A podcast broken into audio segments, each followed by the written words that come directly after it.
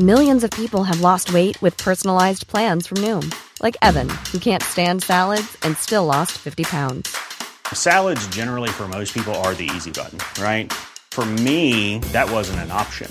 I never really was a salad guy. That's just not who I am. But Noom worked for me.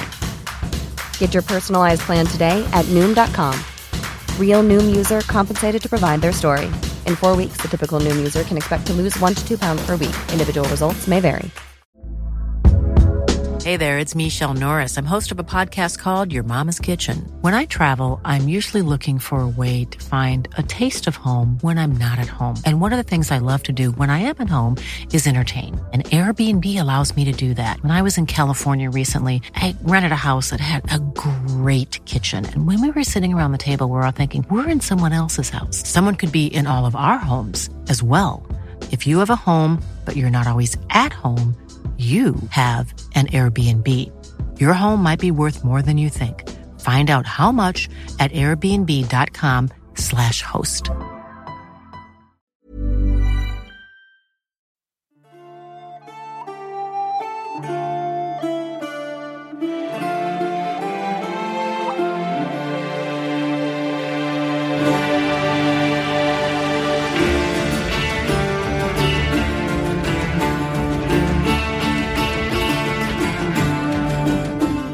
Velkommen til Mægtige Middelalder. En podcast, hvor middelalderforskere taler om den magiske, mystiske, mærkelige og frem for alt mægtige middelalder. En tusindårig periode, der er afgørende for Europas og Danmarks historie. Mit navn er Thomas Ebelholm, og når jeg ikke er vært på denne podcast, er jeg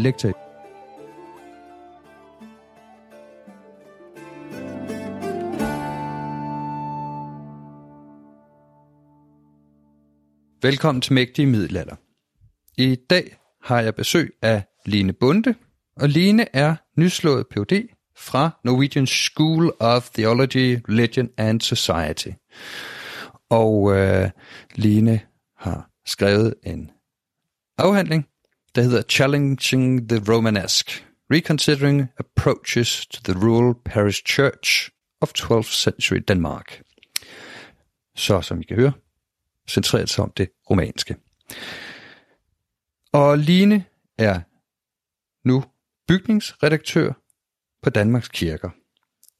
Men i dag, der skal vi tale dels om afhandlingen, og dels om netop det, der er afhandlingens emne, nemlig romansk stil, eller det romanske i øh, danske stenkirker fra det 12. århundrede. Så velkommen til, Line. Line, kan du ikke øh, starte med at fortælle kort, hvad din afhandling handler om? Jo, det vil jeg gerne. Øh, det handler om at forstå stil, kan man sige, meget kort. Øh, mm. Eller forstå øh, vores stil, det moderne stilbegreb. Og, øh, og så ligesom prøve at finde ud af, kan vi, kan vi bruge det til noget, kan vi flytte det? Og som sådan en form for case study, så bruger jeg de, øh, de romanske kirker, fordi de har sådan et meget, øh, de har et gennemgående romansk træk, som er, den, er rundbuen, som øh, traditionelt i øh, historiografien og, og så videre har været, øh, at det, som der ligesom betegner, hvordan vi ligesom, man, man kan sige i, i sådan rent skolemæssigt, så arbejder man ligesom med den, den runde bue, som er den romanske stil, og så bliver det så til den spidse bue, der er den gotiske stil, altså den senmiddelalderlige stil. Ikke? Og, mm. og, øh, og det er jo selvfølgelig meget simplificeret, det er klart. Øh, men jeg bruger så, så øh, den, det her motiv, eller rundbuen, som sådan en indgang til at sige, om kan vi, kan vi reaktualisere, hvad vi egentlig ved om, om forståelsen af kirken og kirkerummet som helhed, øh, da de blev bygget, de her kirker, i, i, i løbet af 1100-tallet. Ja, og, og, og rundbuerne, altså det er jo det her, vi typisk ser for eksempel vinduer, eller hvad kan man sige, de centrale buer i, i, i sådan en kirke, der stammer fra 1100-tallet og, og frem efter. Ja, altså korbuen er jo, er jo nok øh, buen par excellence, mm. øh, må man sige. Ikke? Altså den er, den, er, den er simpelthen så essentiel for forståelsen af rummet, mm. øh, argumenterer jeg jo for. Ikke? Øh, så, så, og så døren selvfølgelig, som tit bliver omtalt portalen, eller portaldørene. Øhm, og hvordan de så er rundbudet, det er jo så et opgør, man, ja, man ligesom fordi man vil jo altid sige, om de her døre, vi ser, og sådan noget, hvis vi kigger på, på, på den traditionelle måde at dele døre op, så er de jo sådan firkantede tit, ikke? man går ind, men så når, hvis man så kigger på, på det som et helt motiv, så har man tit tymperne med, ikke? Jo. Og de er så ligesom runde, og så får vi ligesom den runde bue, øh, som går igen og går igen og går igen på, på bygningen og på, på de liturgiske genstande og, og møbler og interiør. Ja. Så det, det er afhandlingen jo sådan til dels der udgangspunkt i, forstår jeg ret? Til dels, ja. ja. Øhm, den er jo så samtidig et, øh, et sådan et overordnet forsøg på at, altså, at, øh, at, at, at komme lidt videre end, øh, end, øh, end det 20. århundredes øh, metodik og øh, teorifjernskhed. Ikke? Øh, så den bliver enormt teoretisk, fordi det bliver sådan et, teoretisk øh, øh, legerum, og, øh, eller eksperimentarium kan man måske kalde det, øh, hvor jeg ligesom prøver at reaktualisere øh, vores forståelse ved, ved at jonglere forskellige udefrakommende teorier på et materiale, der traditionelt er blevet behandlet positivistisk. Ja, og jeg tror, vi kommer tilbage til både de her begreber positivistisk og så videre lidt senere, øh, ja. men øh, øh, lytteren skal ikke blive snydt for en, for en, en udredning, det lige om lidt. så, så det er altså sådan, som jeg øh, læser øh, de dele af afhandlingen, jeg har fat i, øh, er der et, et, et opgør i virkeligheden med, med øh, især 20. århundredes syn på kategorisering og måske også læsning af middelalderens kirker. I hvert fald en, øh, ja, det, altså det kan man sige, men, men samtidig så er det jo også vigtigt for mig at pointere, at, at øh, man kan jo ikke stille de her spørgsmål, hvis ikke man har styr på, på, på det basale, kan man sige. Ikke? Så, så, så det er jo ikke fordi, det er, at, at jeg afviser det arbejde, der er lavet, fordi det er jo helt grundlæggende for vores forståelse. Men, men vi bliver bare, altså problemet er, at det ligesom er stagneret. Mm. Og vi, ligesom, vi bliver nødt til at, at se, om vi kan, kan bruge nogle af de her fine øh, indsigter, vi har fået til, til noget mere mm. eller andet, øh, der giver os en bredere forståelse øh, og en, en altså kontekstualisering af de her kirker og en resakralisering. Og altså måske endda øh, måske endda lige frem et, et forsigtigt bud på, hvordan et 1100-tals menneske har oplevet kirken. Er det korrekt? Forstået på den måde, at, at, at øh, altså, hvordan et kollektiv har skulle kunne forstå det. Ikke? Det er dangerous ground, mm-hmm, hvis man skal mhm, begynde mm-hmm, at, at tale individniveau. Så derfor så vil jeg egentlig helst øh, tale om altså, subjektet som, som, som en del af et kollektiv, og det er så ligesom det her kollektiv, som, som som vi ligesom måske kan, kan indkranse nogle, øh, nogle forståelses- eller meningsproduktioner, øh, når de deltager, eller når de, altså det at gå i kirke og bruge kirken, hvor ofte eller sjældent det nu engang var på det her tidspunkt. Mm. Ja, men jeg tænker, skal vi ikke simpelthen gribe fat det her romanske? Hvad er det overhovedet for noget? Ja, øh, hvad er det romanske? Det er jo et sindssygt godt spørgsmål, der har været ja. i virkelig mange år fordi det jo ligesom er opstået øh, i midten af 1800-tallet.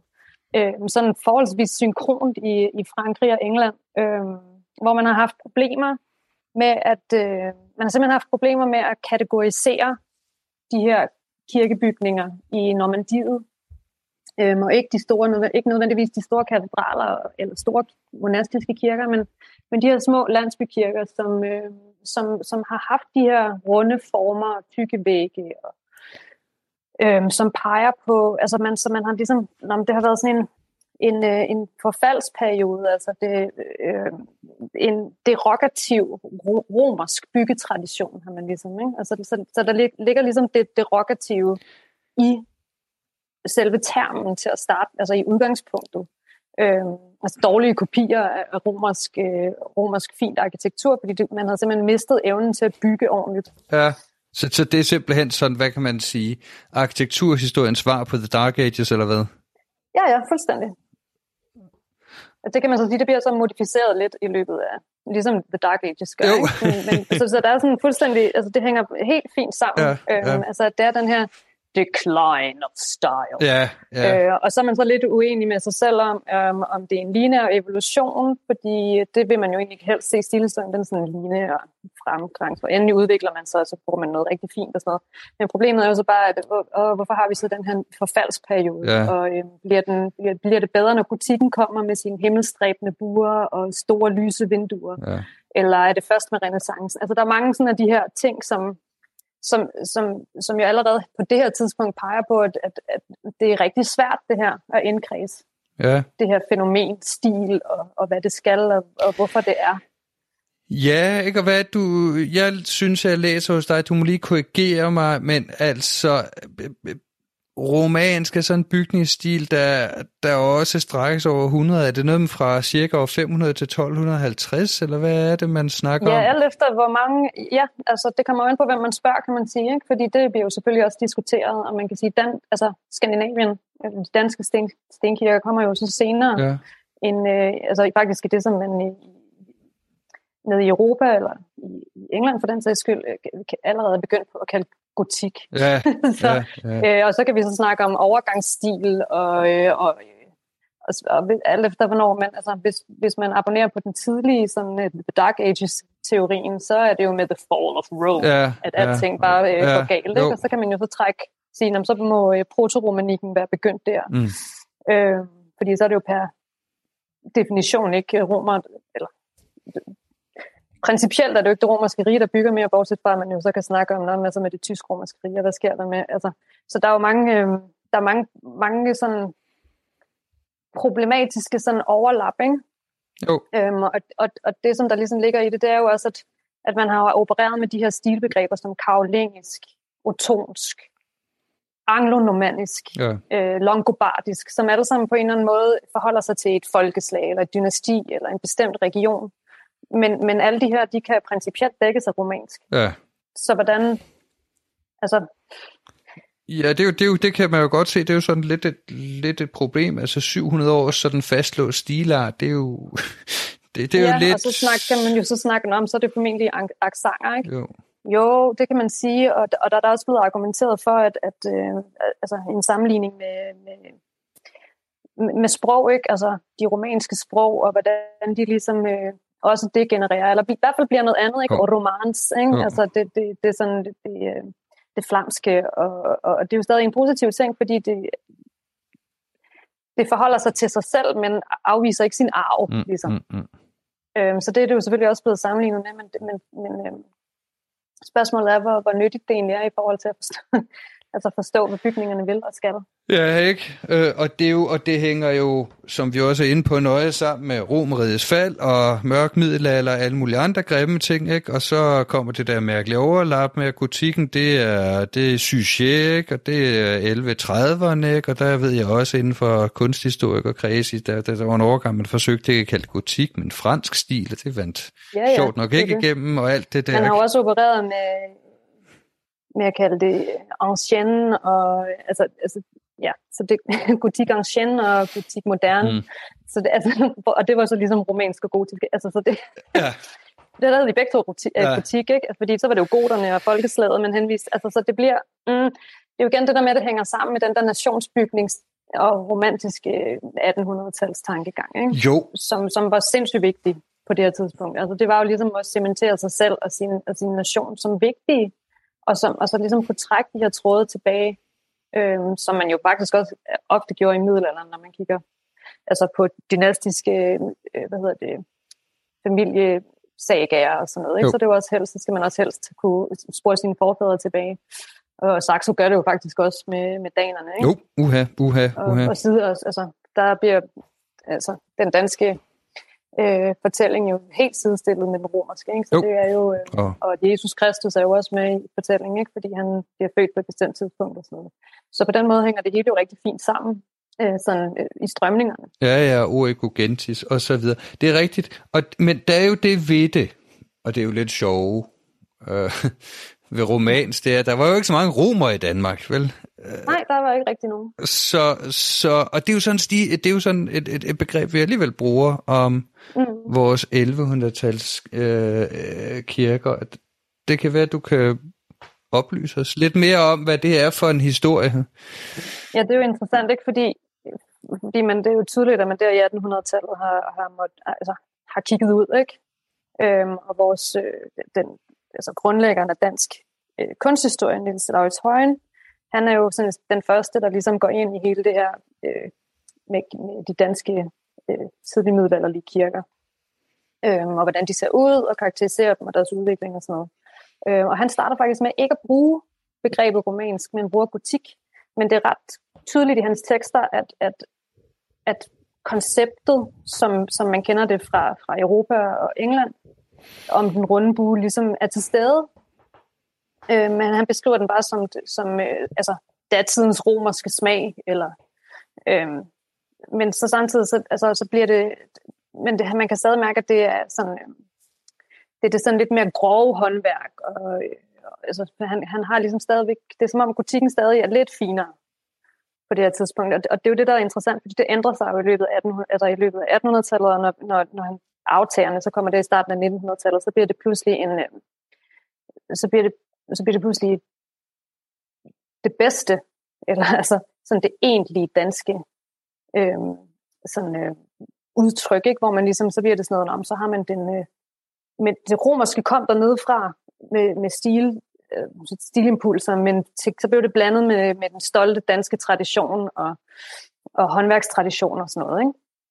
Og så bliver det ligesom sådan storhedsperioden og Valdemarens dynastier, og, og så bliver det kodet sammen med noget meget nationalistisk igen, øh, uden rigtigt på noget tidspunkt at forholde sig til, hvad der egentlig ligger i termen, som vi importerer. Mm. Fordi vi har ikke den, altså vi har ikke det rum, altså selvfølgelig har der jo været udvekslinger, men vi har jo ikke haft arkitekt, altså arkitektoniske strukturer i, i sten overhovedet. Øh. Nej, det er jo det, vi kan se med Jelling og andet, ikke? at det er jo så den mest øh, runesten, man gør sig ihjel, og så er der jo sådan noget godt træ, og man kan også sige Danmark måske på nær Skåne og, og, og, og, og Bornholm, der er der jo heller ikke så mange sjove sten at gøre med, ja. sådan som udgangspunkt. Så øh, det er jo interessant, ja. at man så vælger at tage det med. Øhm, og så sniger det sig også stille og roligt ind i vores sprog også.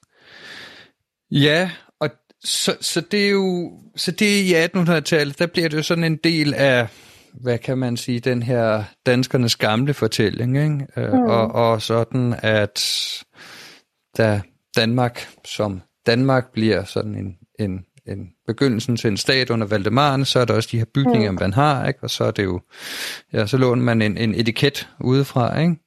Jo, det er det. det er 1800-tallet, men, men så sker der jo et eller andet, øhm, når vi så, begy- eller kan du måske sige, hvad det er, de, de kigger på, af de her 1800-tals øh, øh, forskere, der er interesseret i kirke? De er jo interesseret i at, at forstå det, altså, det oprindelige og originale formsprog, altså det, som der giver en noget, noget autenticitet, kan man kalde det. Ikke? Mm. Øh, og, og, og det er jo også derfor, de måske øh, i deres, øh, fordi de jo er en del af den her bølge, den her fælles europæiske bølge med at få, få ryddet op i alle de her bygninger og stile ned igennem og alle steder. De er jo i gang med at, altså, de er i gang med at etablere stilhistorien stort set. Ikke? Så, så der bliver det jo meget rigidt tænkende, øhm, eller kassetænkende i hvert fald, ikke? Og, og har nogle kriterier. Der bliver ligesom opsat nogle kriterier for, hvad kan passe sammen, fordi vi har ikke nogen faste holdepunkter. Ikke? Altså, det er jo sjældent, at der lige er nogen, der har skrevet på en, på, på en kirke i, i Nordjylland, øh, at den er bygget i 1144. Altså, det mm. findes ligesom ikke rigtigt. Så, så man bliver nødt til ligesom at arbejde med nogle andre ting, og det er så ligesom statistikken, der kommer ind her. For ja. ligesom, at man kan sådan placere dem bare sådan nogenlunde. Ikke? Øh, og der bliver man selvfølgelig også snydt nogle gange, og især med tagværkerne er der nogle, øh, nogle dateringsændringer i løbet af, af, det, af det 20. århundrede. Men, øh, men ikke desto mindre, så, så i, i 1800-tallet, der er man i gang med, med, med den her, øh, det her oprydningsarbejde, som jo er virkelig prisværdigt på alle mulige måder, men, men som jo så også resulterer i, at man, man definerer øh, en oprindelig stil, som ikke går på kompromis med, øh, med, den, med den middelalderlige byggeskik. Øh, mm. og, og, og alle de forskellige afarter og variationer, der, der, der fandtes. Så altså, man kan mm. jo sige, altså, for eksempel Viborg Domkirke vælger man jo at øh, rive fuldstændig ned og genopbygge den i dens egentlige stil, sådan som det burde have været. Ikke? øh, men det er jo så de her lidt uheldigt. berømte og berygtede restaureringer, jo, ikke? præcis, Øh, altså Violette Dyk gør det samme i, i, Frankrig, ikke? Øhm, Ja, jo. og, Jo, og, jo, og, der kan man jo sige til, til alle lyttere, ikke? når I ser Notre Dame i Paris og alle de der herlige gargoyler, de er desværre 1800 ikke. De er, de er 1800-tal, de er ikke fra middelalderen. De er flotte, jeg holder meget af dem, men, uh, men Notre Dame, ligesom vores egne kirker, ja, det er jo sådan en, en beretning og en bygning, der altså en beretning, der stammer, stammer fra middelalderen til i dag, mm. ikke? Og, og, og den skal også læses og forstås Men- som. Det er ikke, man investerede jo som helt vildt meget i de her bygninger, mm. sådan øh, patriotisme og nationalisme og historicisme. Og, altså alle de der ting hang ligesom sammen, og man kan se det også med, altså det, det samme skete jo også med ridderromanerne, ikke? Altså de blev jo også skrevet om til de her heltekvæde om, øh, om nationsbygning og de stolte franskmænd og Rolandskvadet og sådan noget, ikke? Men, men øh, Jo. Jo, øhm, jo, så det jo, jo- og herhjemme har vi jo Ingemann og Ja, lige noget. præcis. Så, så altså, det, det, er jo, det er jo altså over flere, hvad vi kalder fag, fagspecifikke discipliner, der skete jo mange af de samme ting, bare med forskellige Mm. mm. øh, kilder, kan man sige. Ikke? Mm. Øh, og det er jo øh, det er sjovt at se, og det, og det, og det baserer sig jo på, på den tyske øh, von Ranke ikke? og hans vis eigentliche Wesen. Altså fordi man har sådan en idé om, nu finder man egentlig, nu, nu skal man have det, det oprindelige, det ægte, og det skal man have frem, ikke? så man virkelig kan se. Og jeg tror, is- altså, og selvfølgelig har 1864 øh, fadesen øh, jo nok også øh, bidraget hertil, ikke? Altså, at, at det er blevet virkelig vigtigt, at man har, at man har kunne have noget nationalt at være fælles om, ikke? Og der er kirkerne jo, også Mm. fordi, at folk på det her tidspunkt jo, alle var jo en del af statskirken, statskirken på det her tidspunkt, hvor, hvor, hvordan man så ligesom, der var nogle problemer i forhold til, at man ikke havde vedligeholdt kirkerne og sådan noget på det her tidspunkt, og så skulle restaureres øh, rigtig meget. Og stationsbyerne kom, ja. så der, de skulle have nogle nye kirker, de skulle være i den egentlige romanske stil og sådan noget, ikke? Så der sker en masse ting, hvor man prøver at rydde op i arkitekturen og, og, og få, den, altså at få noget øh, ånd tilbage. Ikke? Men, men desværre, eller desværre, det skal man jo ikke sige, men, men, mm. men tidstypisk altså, er det jo meget lutheransk tilgang med nogle sådan små bitte glemt af noget. Øh, altså man glemmer lidt, at, at, at de, de, øh, de før reformatoriske kirker jo øh, det var en middelalderlig kristendom, det var ikke en, en lutheranisme, vel? Øhm, så Nej, altså det var katolsk, ikke? Ja. Jeg skal lige sige, at du har i din afhandling nogle meget fine billeder af netop Fjendeslevkirken, og de her processer, dem lægger vi op på Ja. sociale medier, så, så lyttere lige kan se et eksempel på, hvad det er, der, der foregår. Øhm, ja, og det er jo så øh, det, der foregår i 1800-tallet, Ja. men øh, og, og det er jo både godt og skidt, Jo, jo. ikke? Altså der er jo en slags redningsarbejde, nogle gange så ryger bare uden badeland, Ja, ja. ikke? Andre gange, der går det lidt, lidt bedre, ikke? Og ja, der er jo for eksempel det, ja, øh, Sorø Kirke Frise, mm. der, der, der går de lidt hårdhændet til det. Øh, men, men, men vi lovede jo at tale lidt om positivisme og, og, og, og, og, og den der påvirkning også, mm. ikke? Fordi det her er jo, øh, det handler om bygninger, ja. Og det handler om stil, ikke? Øh, og og, og øh, stilen har jo øh, som lytteren måske allerede kan høre, har jo både noget at gøre med stil, men også datering, mm. ikke? Datering og Øhm, selvforståelse, ikke? Altså, det er jo også det, der er interessant, ikke? Jo. Det er jo det der med at forstå sig selv og sin kul- altså, kultur gennem stilen, eller de monumenter, vi nu engang har. Og der må man bare altså, sige, at, at, at den største kildegruppe, vi bare har, det er de romanske stenkirker. Mm. Øhm, så de er sindssygt vigtige, og de har været sindssygt vigtige i, i sådan ideologiske fighter. Øhm, og og det, Ja. det er de ikke så meget mere i dag. Øh, måske fordi vi er blevet mere og mere sekulariseret, eller fordi at, at, at det er lettere at øh, det er lettere at romantisere sådan noget som vikingetiden, fordi den ligesom er afsluttet, ikke? og kirkerne de er stadig stort set i brug, eller mange af dem er i brug. Ikke? Jo. Så de, de, man kan ligesom ikke eksotisere dem på samme måde mere. Det kunne man på det tidspunkt i 1800-tallet, ikke? fordi at man så romantiserede det før, øh, før reformatoriske. Det gør vi ikke så meget Ja. mere nu. Nej. Ej, det kan man ikke sige. Øh, øh, der, der er jo sådan en vis grundvirkanisme, der, der har gået sin sejrsgang. Og, og, og det er jo lidt øh, også gerne vil hen på, det er det her med, at du har, du, øh, vi nævnte tidligere positivisme, ikke? Og, og, og hvad det egentlig er, og nu nævnte du ideologiserede øh, øh, kampe blandt forskerne, og det, det bringer os ind i, i 20, det 20. århundrede. Mm. Altså, hvad er det, der sker inden for, for det her forskningsfelt, der, der er de danske kirker i den periode? Jamen altså, det starter vel principielt med systemskiftet i 1901, ikke? Der gør, at, øh, at, at der sker nogle fraktioner på, på, den, på, på de politiske fløje, og, og radikale ja. venstre opstår, ikke som udbryderparti af venstre. Ja. Øhm, og, må, må jeg lige sige en ting? Kan vi kort definere, hvad, hvad positivisme betyder ja. for dig? Fordi... Øhm, altså, øh, sådan som jeg bruger det i min afhandling, eller har valgt at definere det i min afhandling, der forstår jeg det som, som den her tro på, på en videnskabelig objektivitet, der ligesom er defineret øh, tid, altså parallelt med den naturvidenskabelige tilgang. Så det er sådan en videnskabsteoretisk tilgang, som øh, baserer sig på de naturvidenskabelige metoder. Ikke? Altså der må der er øh, kausale effekter og sådan noget. Ikke? Jo, og klassificering, klassificering kategorisering. Empiriske og... observationer og sådan noget. Ikke? Ja, øh, ja. Men, men sådan også ret kold og måske øh, sådan lidt mærkeligt funktionalistisk og skematisk, hvis ja. man skal være lidt hård ved dem. Ja. Ja. Det, det er præcis øh, sådan, jeg også øh, definerer det. Ja. Øhm, og den der forståelse af, at der er noget, der hedder faktuelle oplysninger, ikke? Øhm, som man jo måske er sådan helt øh, poststruktivistisk eller postkonstruktivistisk vil sige, at det er måske øh, det er godt nok svært at tale om inden for humaniora.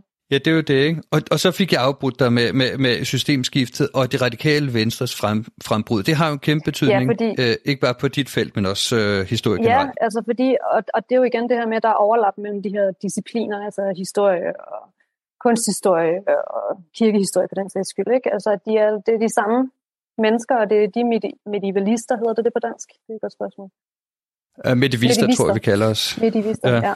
Øhm, som ligesom øh, Øh, i den tidlige periode i hvert fald, øh, i starten af 1900-tallet, øh, er en del af den her radikale historikertradition, ikke, der starter med Æreslev. Øh, og hvor man ligesom, øh, kulturhistorien er ikke sådan rigtig noget, man tænker er rigtig historie. Vel, der er ikke så mange øh, hårde facts, man kan opstille. Så man er mere interesseret i den politiske, økonomiske og administrative historie. Ikke?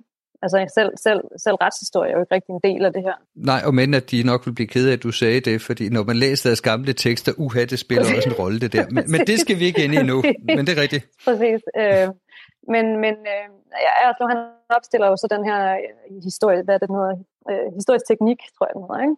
Yes. Øh, mm-hmm. Hvor han ligesom får lavet, altså defineret den her positivistiske kildekritik. Øh, og den kildekritik, ja. den, øh, den bliver godt og grundigt cementeret i, historiefaget, ikke? Mm. Og er det stadigvæk, vil jeg påstå, til en vis grad, ikke? Jo, det er det. Der er også der er nogle fornuftige ting her øh, i, i, i historisk teknik, og men jeg ikke er den største fan af Erslev, så det, det, det er faktisk en meget god sådan øh, håndbog. Men det, det, det er sådan en ikke. til, altså, ja, det er også, øh, ja, men han, øh, han får i hvert fald gjort øh, altså, han har i hvert fald betydet, at der er rigtig mange på tværs af disciplinerne, der arbejder på den her empiriske måde. Ikke?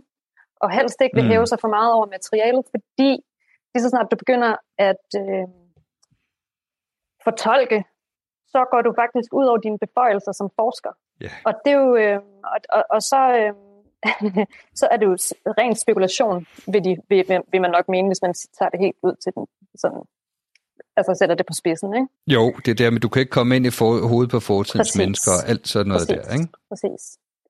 Øhm, og det har jo så også gjort, at, at, at, at man har været, altså at forskningen har taget en bestemt drejning, har kun stillet nogle, altså lavet nogle, haft et bestemt fokus, ikke? Som, altså, og, og, og, og det værste, hvis, synes jeg personligt, det er jo hele den der afvisning af geistiske skikte, eller forståelsen af kirken som et religiøst rum og sted med en religiøs funktion og med noget metafysisk. For hele metafysikbegrebet, det var uha, det kunne man slet ikke øh, operere med, vel? Øhm, og så, så må man jo sige, at der går nogle, nogle ting tabt, hvis man, skal, øh, hvis man skal forstå en kirke, eller genstande i en kirke, ikke? Jo, altså det hele den her ånds- eller mentalitetshistorie, som man kan sige, tager religiøsiteten seriøst på egne præmisser, ikke, så bliver det re- reduceret til, til skematik. Ikke? Der skal være en døbefond, og der skal være en altertavle, og eller hvad? Ja, altså lidt, ikke? Og, eller, eller så er det egentlig, altså man, man, man faktisk, så skiller man jo på mange måder rummet ad, man splitter det ad, ikke? Og tager genstandene ud, og man tager, altså alle genstandene i kirken bliver ligesom taget ud, og ornamentikken på kirken bliver taget ud, eller altså, udskilt fra, fra arkitekturen, og så bliver arkitekturen undersøgt som arkitektur, sådan isoleret, ikke? og så bliver døbefonden undersøgt som døbefonden, og andre døbefonde og typer af døbefonde og sådan noget. Ikke? Øhm, så, så, så rummet bliver ligesom pillet fra hinanden, eller dekonstrueret, kan man sige, ikke? for at bruge et lidt øh, moderne, somewhat ironic øh, ord, ikke? i den, i den øh, men, det, men det, det, er jo sådan lidt, det er jo lidt interessant, synes jeg, ikke? Jo. At man, øh, det... at man rent faktisk øh, piller, piller kirken fra hinanden, for at forstå ja. enkelt genstanden. Så det som, ja. det, som man så gør, det som jeg også siger, man skal, det er jo ligesom at samle den igen, og møblere den. ja, fordi det er jo så, altså hvis jeg må sådan sige det på en anden måde, som du korrigerer mig, altså, hvis jeg tager fejl, det du det du siger, de lidt gør, øh, at det svarer lidt til, at man, eller det er to måder at se det på, ikke? at det her det svarer lidt til, at man måske går ind på Louvre og ser du et enkelt maleri, og i kirken vil ekvivalenten der være, at det være altertavlen, og det er fint nok på Louvre, fordi Louvre er det her rum, der indeholder en masse importerede malerier, som ikke til at begynde med har været der. Mm. Ikke? Men, men dit argument er jo sådan set, jamen det hele er jo tænkt fra starten, mm. ikke? sammen. Mm. Så du kan ikke tage det her øh, maleri på Louvre ud af samlingen, for, fordi så bliver det løsrevet, ikke? Altså så er det ikke en, en, en del af den hele oplevelse, ikke? Og, og så kommer næste med, med Louvre, ikke? Det, er jo, det besøger vi jo øh, i en eller anden forståelse, vi har, jo, jo. Ikke? Men kirkens forståelse er vel en anden? Jamen det er præcis, og, og, og, og man kan sige, hvis det at man, at man tager døbefonden ud og sammenligner med andre døbefonde, det kan jo, øh, det kan jo give nogle, nogle indsigter på, på nogle andre områder, men det, det hjælper os ikke med at forstå kirken eller brugen af rummet. For der taler mm. den mhm. jo, der taler døbefonden jo så for eksempel sammen med korbuen. Og den taler sammen med det, de ritualer, der foregår, og de andre handlinger, der nu engang for, foregik i, i, i det kirkerum. Ikke? Øhm, og hvad man, altså hvis man selv har haft motivgaver, eller, altså der er mange ting, der er mange konnotationer, der ligesom bliver, ja. bliver vagt, når man, ja. når man bruger et kirkerum. Ja, Ja, hvad er det nu en votivgave er? Øh, det er, hvis man, altså for eksempel sjælemesser og sådan noget, ikke? så donerer man til kirken for, at, at der kan blive holdt. En messe? Ja, eller blive nævnt, eller vedligeholdt et eller andet. Blive bedt ja. for, ja. Jo. Okay, så, så det er jo sådan lidt en, en, en, en tour de force gennem det, vi står på, ikke? og det er jo selvfølgelig fint nok, at man har klassificeringer, og nogen har undersøgt det andet til bunds, men, men, men som jeg forstår det, så er det så bare objektet i sig selv og isoleret og taget ud af en helhed, man forstår. Og, og, og hvad er konsekvensen af det? Altså, jeg vil jo mene, at konsekvensen er, at der er rigtig mange betydningslag, der så forsvinder. Ikke? Mm. Fordi man jo ser det helt uden kontekst. Og så øh, har man jo haft en tendens, i hvert fald i kunsthistorien, til ligesom at have et hierarki af, hvad der kan fortolkes. Ja. Øhm, og der er det jo helt åbenlyst, at øh, ikonografien peger selvfølgelig på det figurative, ikke? og det, der kan læses og genkendes sådan umiddelbart, øhm, og, og placeres i en tekstmæssig øh, forståelse ikke? for Bibel, eller øh, apokryfe tekster, eller messeforklaringer, eller you name it. Ikke? Mm. Øh, så de kan identificeres sådan og stadfæstes sådan. Men så er der jo alle de her andre ting, som ligger rundt omkring, øh, og som tit bare bliver kaldt øh, ornamentik. Øh, og ornamentik har jo sit eget sådan problematiske historiografiske forløb. Det skal vi ikke komme ind på. Det er kæmpe forskningsområde. Men, men, øh, ja. øh, men de er jo traditionelt blevet øh, altså forstået som bare sådan nogle, øh, når folk de lige keder sig, og alligevel stod der og malede deres kalkmaleri, så kunne de også lige male lidt hejs ud siden. Eller, altså lidt ligesom når man sidder og snakker i telefon og tegner lidt ligegyldigt på et stykke papir. Altså fuldstændig meningsløs, ikke? Øh, og det, det er jo så det, hvor jeg siger, at det tror jeg måske, øh, vi skal passe på med at antage. Øh, og så tager jeg så udgangspunkt i den her bue, ikke, som går igen ja. mange gange og over det hele, og som kun i nogle kontekster bliver taget alvorligt som et motiv, og i andre kontekster ikke bliver taget alvorligt som motiv. Ikke? Jo. Så, så det du, øh, altså det du bruger buen til her, ikke, det er jo sådan dit, øh, dit bud på, hvad vi hvad vi mangler i forståelsen af kirkerne, ikke? Øh, øh, øh og der, der tager du udgangspunkt i buerne. Så kan du tale lidt om øh, din position og, og nogle af de andre, dine kollegers position nu, øh, altså hvad, hvad I gør nu, og hvordan I, øh, I, I ser på det her kirkerum? Ja, altså, øh,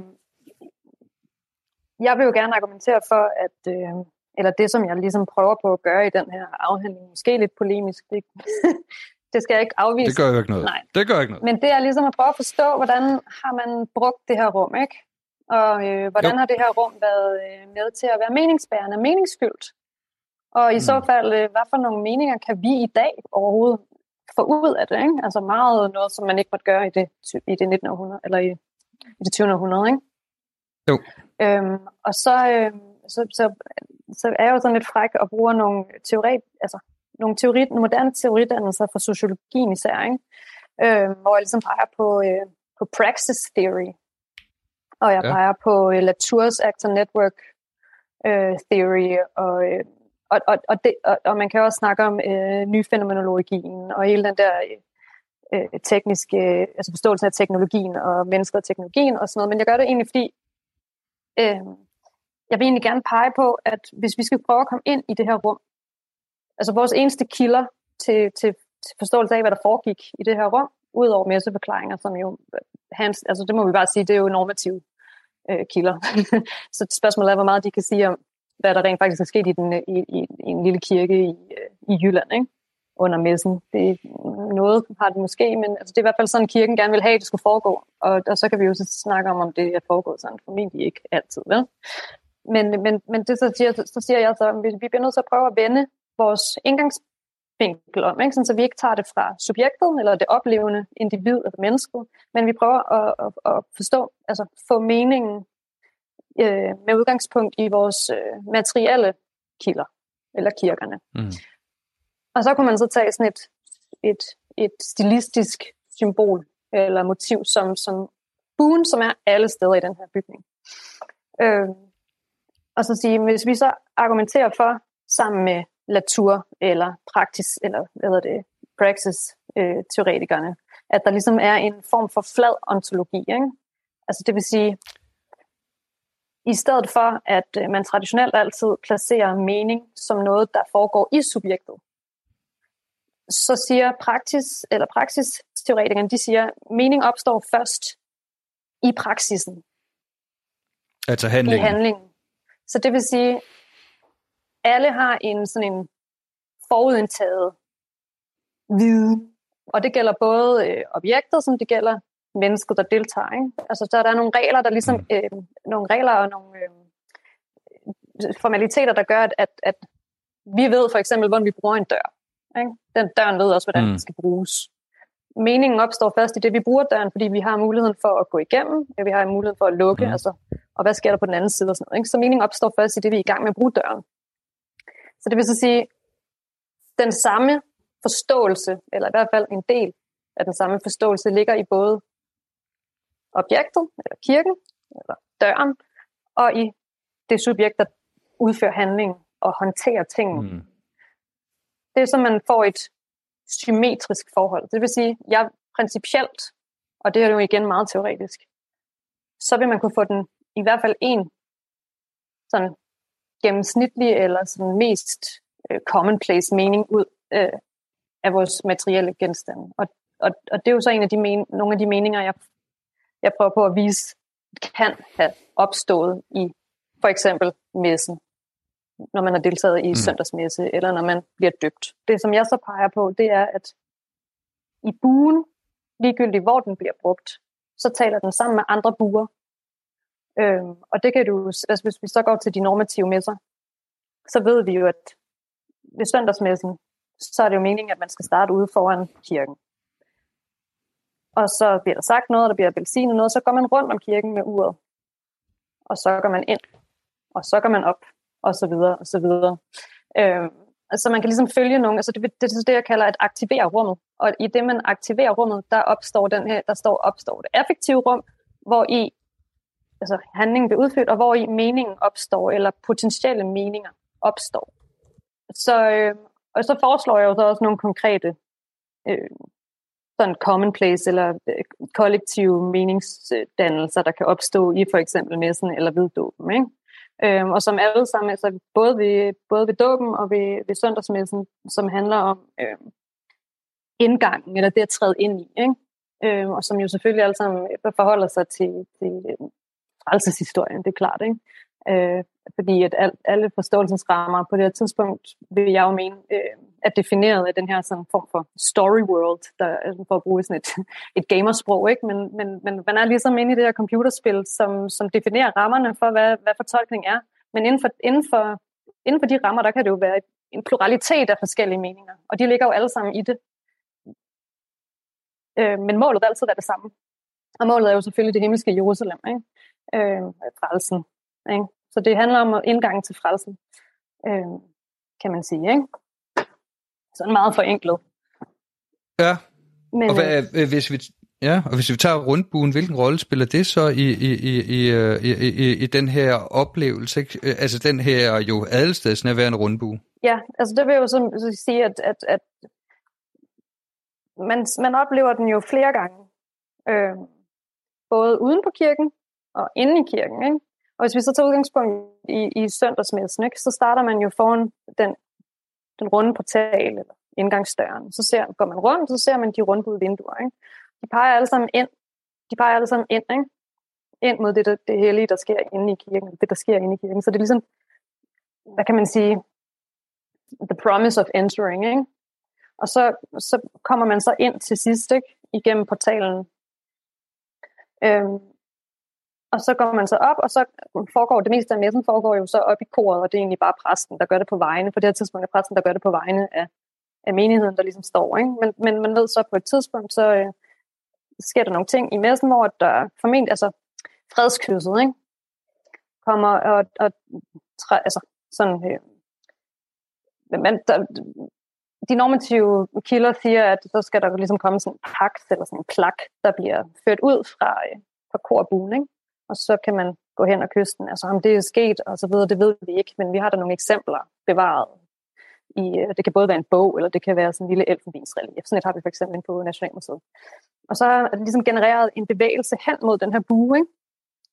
Øh, fra de stående, øh, den stående menighed og så tilbage, ikke? og så har de kunne gå ud til sidst. Ikke? Så, så alting er centreret omkring den her bue. Altså indgangen til Jerusalem er gennem buen, ikke? Øhm, så man har ligesom løftet om at komme ind igennem buen, og, og, og, og den ser man jo både, altså den er alle steds nærværende, ikke? fordi det er det, det hele handler om. Det handler om indgangen til Jerusalem, og det handler om, hvordan man kommer ind, altså man skal, være, man skal gøre nogle bestemte ting, og hele tiden så bliver man mindet om det, vil jeg mene, altså at det er det, som der er det, det kollektive budskab, ikke? eller den mening, der skal opstå med alle de her gentagede øh, ornamenter, ikke? det er, det, det handler om at skulle ind der. Ikke? Det er det, der er endemålet. Mm. Og noget af det her, og nu ved jeg jo godt, at vi primært taler bygninger, men du er jo ikke helt på, på bare øh, bare bund i forhold til, hvad der kunne være foregået. Ikke? Øh, altså, du, du har jo en, en, en norsk øh, eller en rød tekst, hvis ja. jeg husker, øh, som, som, som netop kan understøtte lidt det her. Det er den, der hedder hvad, messeskyringer, ja, jeg synes, er det korrekt? jeg kan heller ikke udtale det på norrøn. Så der...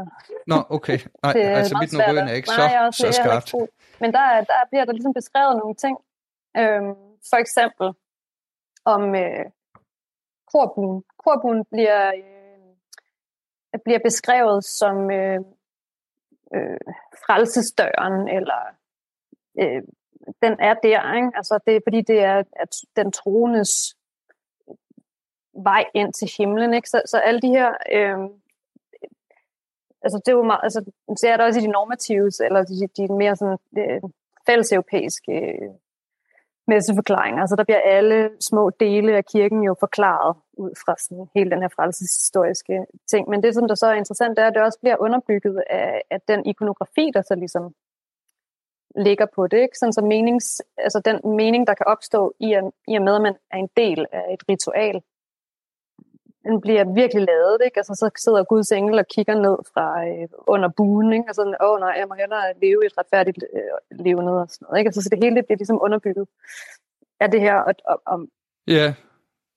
og det er jo så der, hvor, hvad kan man sige, hele kirkerummet med udsmykning i form af billeder og øh, ornamentik og buer, og hvor vinduerne sidder, hvor lyset falder og så videre, understøtter en fælles fortælling, vil du sige ja, det? det eller vil jeg en, sige. Øh, ja. og, det vil, og, jeg, jeg vil, og jeg vil mene, og det er jo derfor, jeg, jeg peger på den der asymmetriske forståelse, eller, asymmetri, eller symmetriske ontologi, ikke? fordi så har vi faktisk mulighed for at gå ind i nogle, nogle meningsprocesser, som relaterer sig til forståelsen og brugen af kirkerummet, som vi ellers ikke har tilgang til. Og vil du så også mene, at det kan give os en anden og dybere, øh, og måske endda original opfattelse af, lad os sige, 1100-tallets danske religiøsitet, og i virkeligheden jo så den danske øh, opfattelse af kristendom. Altså uden at den er anderledes end øh, diametralt er øh, forskellig fra det, der foregår i Rom. Ikke? Det, er ikke, det er ikke reformationen, vel, men at den, den, den giver alligevel en lokal tolkning Ja, det synes jeg. Altså, det synes jeg virkelig, det gør. Øhm, også fordi den, det, det viser jo også samtidig øhm, graderne af forståelsen af, af kristendommen, ikke? Og, eller jo. religiøsiteten, eller hvordan vi har lyst til at, at, at formulere det på det her tidspunkt. Fordi den vil jo altid, altså, man kan jo ikke skabe, altså, det er jo ligesom, som vi også talte om, øh, før vi startede, ikke? Altså, at vi kan formentlig sammenligne det med vores øh, demokratibegreb, ikke? Som mm. vi alle sammen stort, altså det vil jeg mene, at vi alle sammen har en relation til, at alle sammen forstår på hver vores måde, og så forstår vi måske mere eller mindre, og deltager mere eller mindre ikke? aktivt ja, ja. det, men vi alle sammen, det er en del, det er, det grundlæggende værdi, værdi for os. Ikke? Og, og, og, og det, har, det, har, det har frelsen også været på det her tidspunkt. Ikke? Jo. Og det betyder ikke, at man ikke også kunne være øh, kritisk, eller øh, alle de her andre ting, som vi jo også er på vores såkaldte demokrati, ikke? eller vi kan jo overveje, om vi synes, at det amerikanske demokrati helt er et demokrati og sådan nogle ting. Ikke? Men, men, oh. men, men, men under alle omstændigheder, så, og, og, og i bund og grund kommer det jo bare fra, øh, altså det er jo også en, en, en bundkristen tankegang, ikke? altså the great commandment, ikke? altså det er jo Matthæus, og øh, vi skal ud og prædike og sådan noget, og alle forholder sig til det her, ikke? Så det, ja. og, og det gennemsyrer bare. Og det betyder ikke, at stat og kirke ikke kan være uvenner det betyder ikke, at, og når de er det, så betyder det ikke, at, at kongen er, øh, ikke er kristen, eller øh, en kæmpe stor propagandist, og at paven nede i Rom, han bare sidder, haha, som den store mastermind. Altså, mm-hmm. fordi det er, det, det er dybt seriøst, ikke? Altså, det er, det er den her story world, der definerer alt, og definerer ja. tankegangen. Og inden for den story ja. world, der har man jo selvfølgelig et forholdsvis stort frit spillerum, ikke? Jo. Oh. Vil jeg mene. Og, og så spørger jeg måske sådan lidt, lidt, lidt frægt, øh, vil du, vil du mene, at du kunne se et lidt fortærsket ord, jeg er heller ikke så glad for den der, men sådan en eller anden særlig dansk fortælling i det danske kirke, er der noget, hvor du synes, den, den adskiller sig, eller, eller ligner, hvad kan man sige, den danske kirke, de øh, de danske malerier og motiver? Ligner de virkelig meget det, vi, vi finder andre steder, altså enten Skandinavien eller kontinentaleuropa? Europa? Principielt ja. Altså. Så på den måde kan man jo sige, ja, rum, altså det romanske har, har klart en plads, som, som, som en forståelse af noget, der binder os sammen. Men, men, men, men på den anden side, så kan man sige, ja, men det genfindes jo så også i det byzantinske rige. Ja. Mm. Ja, det er jo, det, man, det er jo en helt anden... det vil man nok øh, ikke det er jo en helt anden. romansk, vel? Men det relaterer sig alt sammen til, hvem der er det nye Jerusalem, og hvem der er det nye Rom, og, og så videre. Altså en helt anden... Altså efter første, ja. efter første øh, korstog, ikke? Og, og, og stat, Jerusalems status ændrer sig og sådan noget. Men, det, men, øh, men går tilbage til Konstantin selvfølgelig, ikke? Og, øh, jo. Jo, jo, ja. jo, og det er jo, ja, og det er jo også en diskussion, jeg ved, der har været i, i, i, i kunsthistorikerkredse, det der indflydelse af byzantinstil, og mm. hvad er romanstil, og alt det der, som øh, jo også egentlig er temmelig svært, ikke? Det er fordi svært. det, altså, det, er jo, det er jo også en af, en af problemerne med stilistik, mm. ikke? at hvis jeg må være rigtig fræk, det afhænger også lidt af øjnene, der ser, ikke? og hvis det er rundt, er det så øh, roman, som i sådan Ja, det sjove er jo, at, at, at de jo også, altså, de er jo romanøje, ikke? Altså i den byzantinske rige, så de er jo videreførelsen. Det er Karl Stor jo også, kan man sige, ikke? Så, så der er rigtig mange rom lige pludselig, der er rigtig mange rom, der i virkeligheden er Jerusalem. Så det, altså, altså så det, øh, og så kommer Wittenberg og bliver det helt nye Jerusalem, ikke? Så, øh, Jo jo, jeg føler, jeg føler mig frist til at parafrasere science, science fiction forfatteren Philip K. Dick, Så længe det ikke er Elrond romanen Valis skriver. det er det ikke, det er det ikke. Valis, der skriver han, at uh, the Roman Empire never ended, it just went ja, underground. Det er altså... det, og, og det er sådan lidt den, den historie, uh, vi, vi, vi Jo, jo, arbejder jo, med. Ikke? Jo, det er genialt. Øh, men jeg tror, vi begynder at nærme os enden nu, Ja. Line. Øh, nu har vi jo talt lidt om kirken, og sådan været på en lille tentativ øh, øh, tidsrejse tilbage, i hvert fald sådan prøve at, at udforske, hvordan vi også kunne se de her kirker. Ikke? Fordi det, du tilbyder, eller det, du vil argumentere for, det er en eller anden... Øh, man kan sige åndelig, man, kan- man kan kalde det besjæl, man kan måske også simpelthen sige en mere menneskelig oplevelse end det Jeg vil nok kalde det en affektiv, ikke? forskning. Jo, affektiv. Og hvad mener du med det? Altså som i øh, følelsesengageret, eller? Ja, præcis. Altså det, der, det, der, det, der sker i rum, ikke? Altså når rum har øh, en bestemt følelse, øhm, som ikke kan genskabes nødvendigvis. Ja? Øhm, den, den sker i det, man deltager eller bruger rummet til noget specifikt. Og den vil altid blive påvirket af vejret og lyset og lugten i rummet, eller ens egen sindstilstand den dag. Ikke? Men under alle omstændigheder, så, så, så, så er kirken et specielt rum, ikke? Og, den, og den har nogle, nogle, nogle meget generelle sådan, øh, commonplace øh, associationer og konnotationer, der gør, at man måske kommer i en bestemt stemning. Ikke? Og det, det opstår i det der affektive rum. Ja, det er jo der, hvor, hvor jeg har indtryk af, at det, det der jo lidt, lidt foregik med den der lidt hårdhænede, vi kalder den positivistiske eller materialistiske læsning af kirken, det var, at øh, i overført betydning, man fik slået, slået kirkerummet ihjel som et levende rum. Altså det blev sådan en mærkelig øh, stafage, mm. som, øh, som ikke interagerer eller hvor, hvor menneskerne ikke interagerer med rummet, de er der bare. Ja, hvis de ikke? overhovedet Men er der. du- Altså, det virker ikke, som om de er specielt øh, vigtige for overvejelserne, udover at de, øh, udover dem, der er kunstnere eller bygherrer eller håndværkere. Ikke?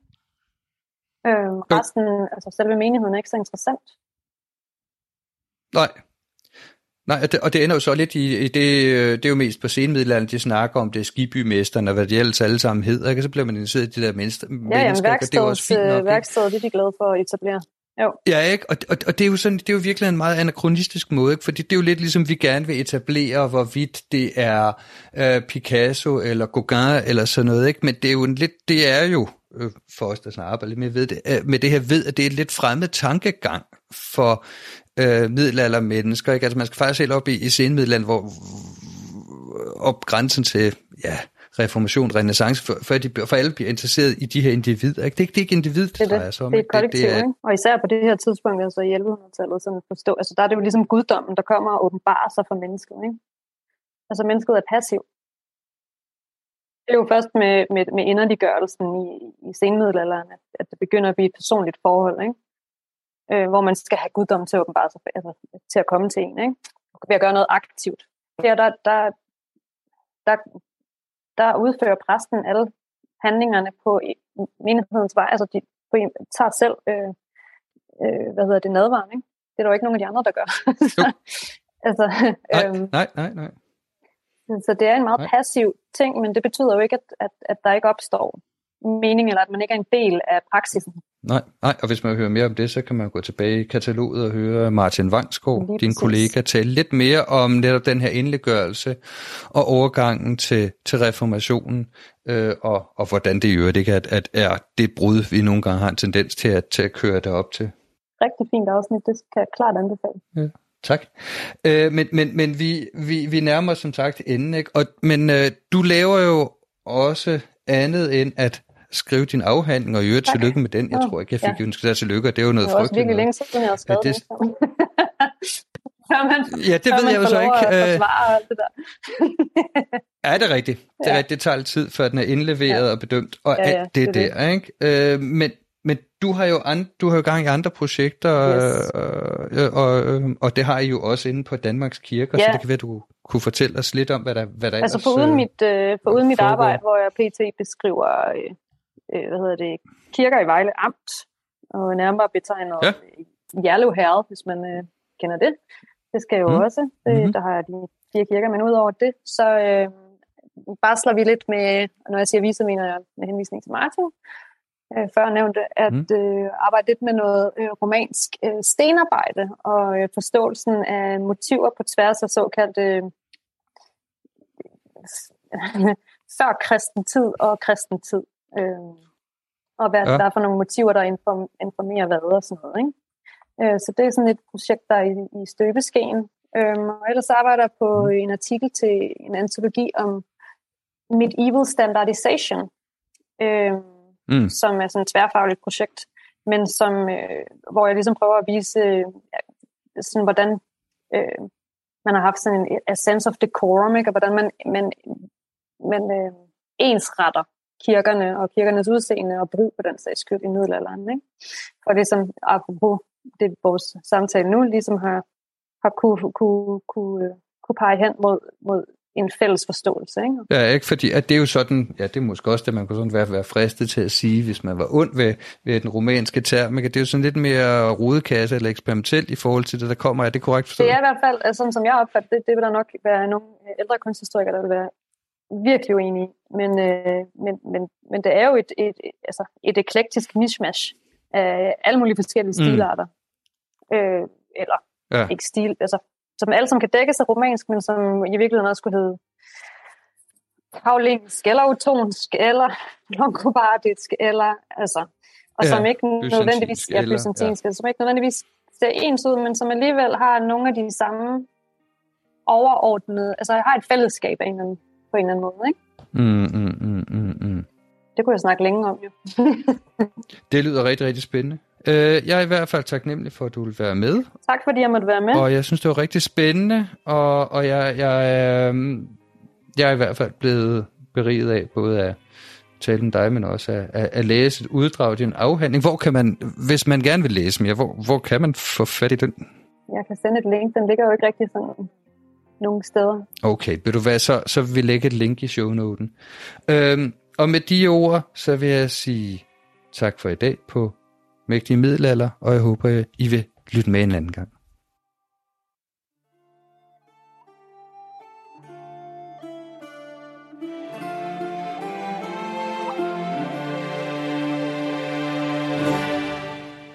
Det var alt for nu på Mægtige Middelalder. Jeg håber, I har nyt dagens episode. Podcasten kan I finde på de fleste podcastafspillere, og husk at anmelde os derinde, så bliver det lettere for andre at finde podcasten.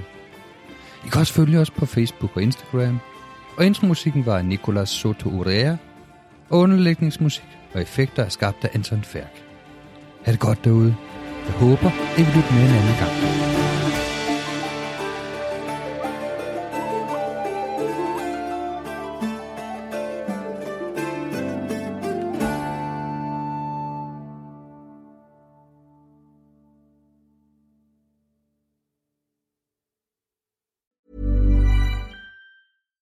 Deserves the best, and there's no better place to shop for Mother's Day than Whole Foods Market. They're your destination for unbeatable savings, from premium gifts to show-stopping flowers and irresistible desserts. Start by saving 33% with Prime on all body care and candles. Then get a 15-stem bunch of tulips for just $9.99 each with Prime. Round out Mom's menu with festive rosé, irresistible berry chantilly cake, and more special treats. Come celebrate Mother's Day at Whole Foods Market. Hey, it's Danny Pellegrino from Everything Iconic. Ready to upgrade your style game without blowing your budget? Check out Quince. They've got all the good stuff, shirts and polos, activewear and fine leather goods, all at 50 to 80% less than other high-end brands. And the best part? They're all about safe, ethical and responsible manufacturing. Get that luxury vibe without the luxury price tag. Hit up quince.com slash upgrade for free shipping and 365 day returns on your next order. That's quince.com slash upgrade.